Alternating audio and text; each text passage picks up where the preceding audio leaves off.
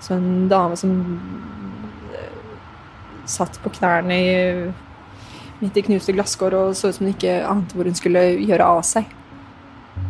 Og så begynte bombingen igjen. Mandag morgen var Aftenpostens korrespondent Gina Grieg Risnes ute i Kyiv mens russiske missiler haglet over byen. Det var det verste angrepet mot den ukrainske hovedstaden siden krigen startet. Men selv om krigen i Ukraina nå er blitt enda et par hakk varmere, mener noen av Putins rådgivere i hans innerste krets at den ikke er varm nok. Så det alle lurer på, er hva gjør Putin nå? Dette er forklart fra Aftenposten. Jeg heter Marte Spurkland. Det er onsdag 12. oktober.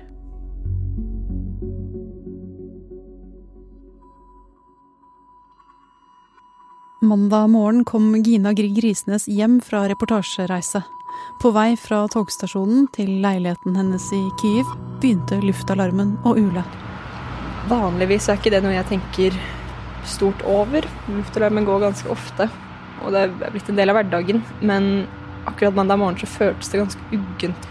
Fordi altså, vi visste at Putin skulle svare et eller annet på mandag om angrepet mot Krymbroen. Men vi ante ikke hvor svaret skulle komme, og vi ante heller ikke hvor fort. Så jeg dro hjem til leiligheten, pakket ut, dusjet, satte meg i, i sengen for å begynne å jobbe. Eh, og like etterpå så hørte jeg et slags bam som vinduene slo innover. Og så hørte jeg et bam til.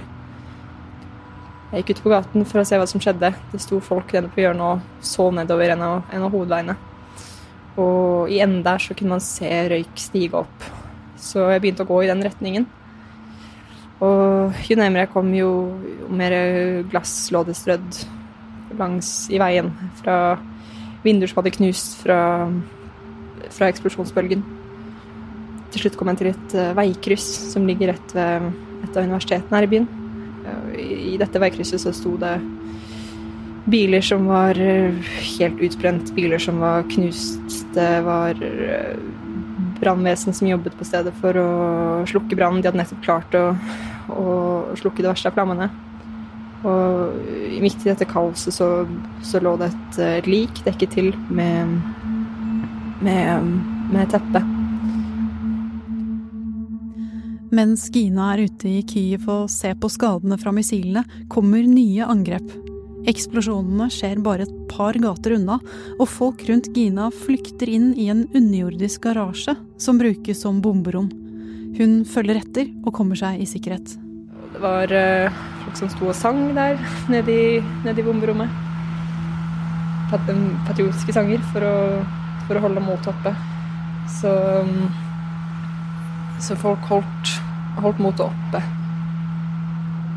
Natt til tirsdag så, så, var det ingen nye angrep i Kyiv, men det var andre byer som ble truffet rundt om i landet. Zaporizjzja, Venezia, og i morgentimen i Kyiv så gikk luftalarmen igjen. Eh, da var det bare å komme seg ned i et bomberom. Og, og, og følge med på, på, situasjonen. Det finnes mye flere Telegram-kanaler. Det er ikke Hurtigruten minutt for minutt, men det er missilangrep minutt for minutt. Så du får informasjon om når nye missiler har krysset uh, ukrainsk luftrom, uh, sånn cirka hvor de er på vei Så det er detaljerte oppdateringer som, som kommer. Så Ukrainere kaller det som skjedde i Kiev-sentrum i går, for terrorbombing. Uh, og basert på det jeg så på bakken i går, så er det vanskelig å skulle kalle det noe, noe annet. Der var det jo sånn å si bare sivile som hadde blitt skadet. Det var sivile som gikk rundt og hadde bandasje på hodet, bandasje på føttene. Eh, så en dame som satt på knærne i, midt i knuste glasskår og så ut som hun ikke ante hvor hun skulle gjøre av seg. Og så begynte bombingen igjen.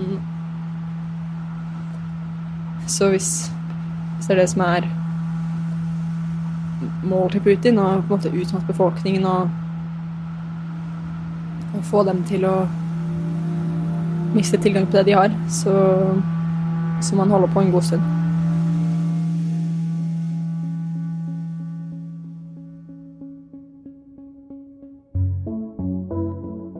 Etter sprengningen av Krymbroen natt til lørdag og angrepet mot Kyiv og andre ukrainske byer mandag, holdt Putin en TV-sendt tale hvor han sa at verden skal vite at han vil slå hardt tilbake på alle angrep mot Russland. Men ingen vet helt hva som kommer til å skje. For i Putins innerste krets av rådgivere er det svært delte meninger om hva den hardt pressede presidenten bør gjøre. Så hvor ligger egentlig makten i Russland for øyeblikket? Hvem kommer Putin til å høre på?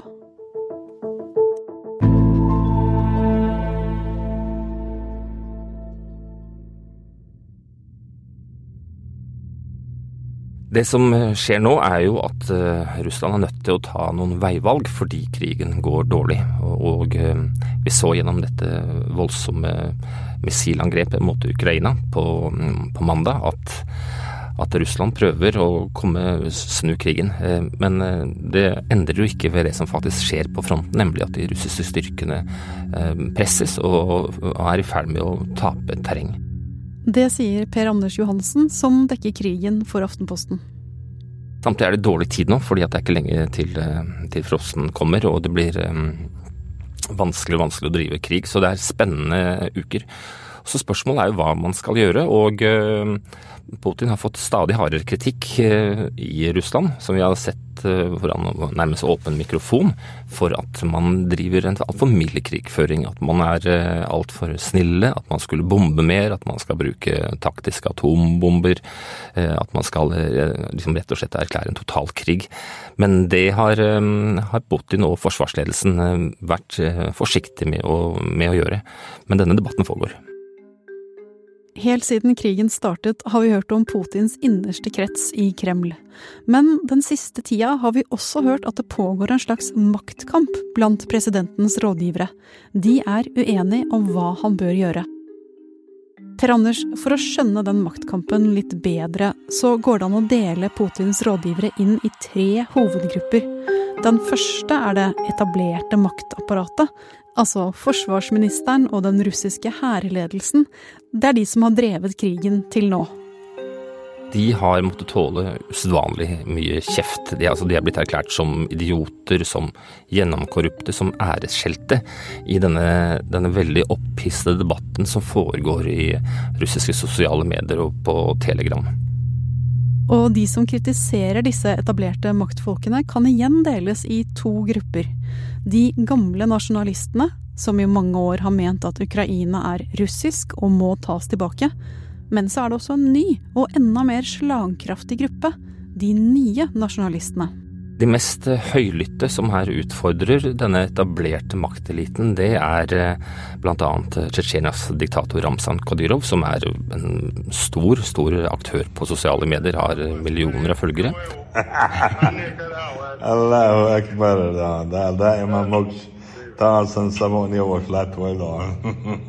og den andre er annet også Putins kokk, som han blitt kalt, Jevgenij Prigozjin. Han er en oligark som tjente seg søkkrik på å levere tjenester til bl.a. hæren, og som har sin egen private hær, Wagner-gruppen, med tusenvis av eh, frivillige, bl.a. nå veldig mange fanger, drapsmenn, folk som soner lange fengsler, som han rett og slett har hentet i fengslene og, eh, og sendt til eh, fronten.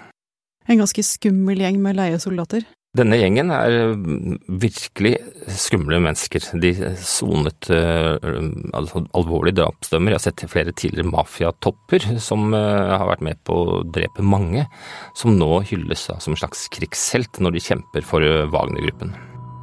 De nye nasjonalistene er også aktive i digitale kanaler. Noe som er nytt i krigshistorien, og som det snakkes mye om nå, er nemlig militærbloggere. Som nesten kan kalles krigsinfluensere. Militærbloggerne er eh, personer med opptil et par millioner følgere på telegramkanaler, og som eh, hele tiden kommenterer hva som skjer. De deler massevis av bilder, grusomme bilder eh, til dels, og, og alle konkurrerer om å være de mest patriotiske, de, de, de, sterkeste stemmene. Og det vi har sett nå etter at krigen begynte å gå dårlig, er at de har begynt å gå i tottene på hverandre. Eh, og det utkjempes daglig eh, veldig brutale, brutale slag dem imellom. Og det har også ført til at vi har fått innsikt i en, del av diskusjonene som foregår i, i, i Kreml og i Moskva nå. Oligarken Prigozhin blogger noen ganger selv, men han har også mange andre følgere som blogger budskapet hans for ham. Forholdet hans til Putin beskrives som tett, men ikke på den måten at han sitter i samme rom som presidenten i Kreml.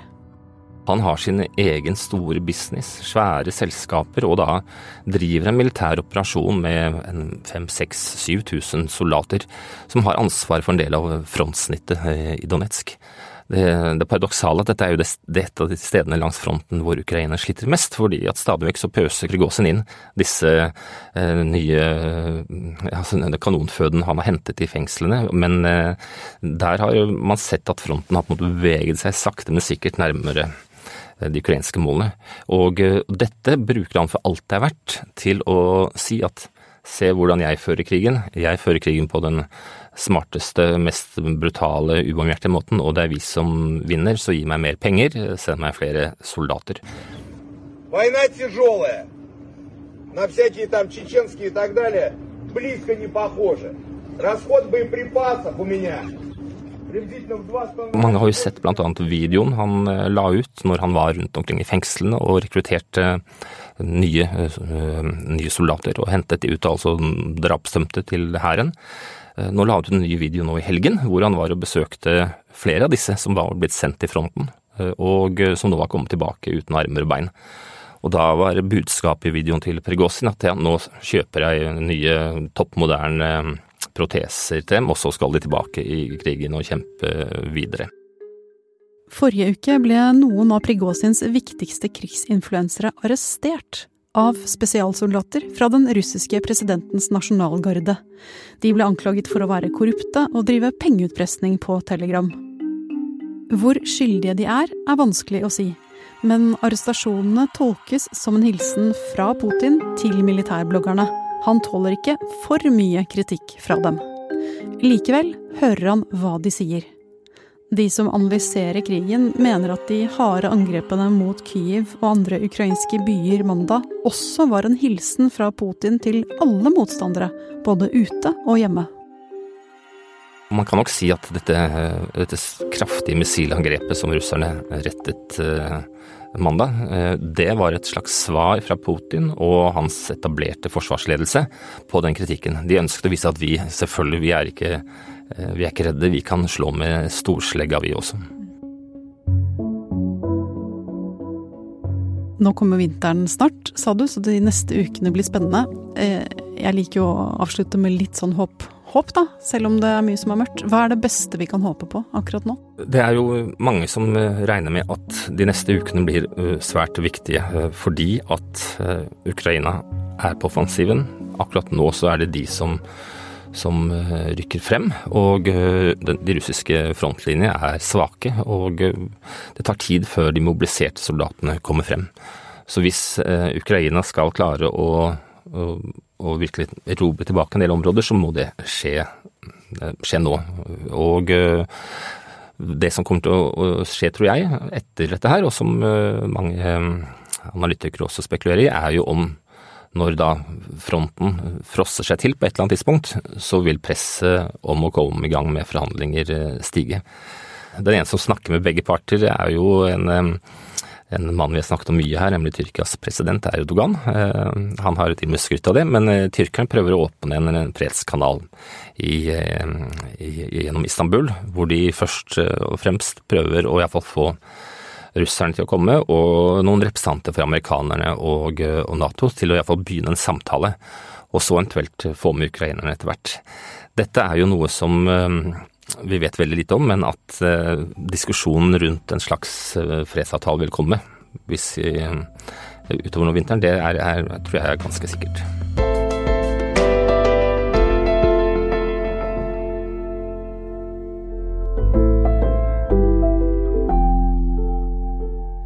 Du har hørt Gina Grieg Risnes og Per Anders Johansen rapportere fra og forklare krigen i Ukraina. Lyden er hentet fra Telegram, Twitter og Bastion. Det er produsent Fride Nesten Onsdag og jeg, Marte Spurkland, som har laget denne episoden. Resten av Forklart er Marit Eriksdatter Gjelland, David Vekoni, Jenny Føland, Anne Lindholm, Synne Søhol og Anders Weberg.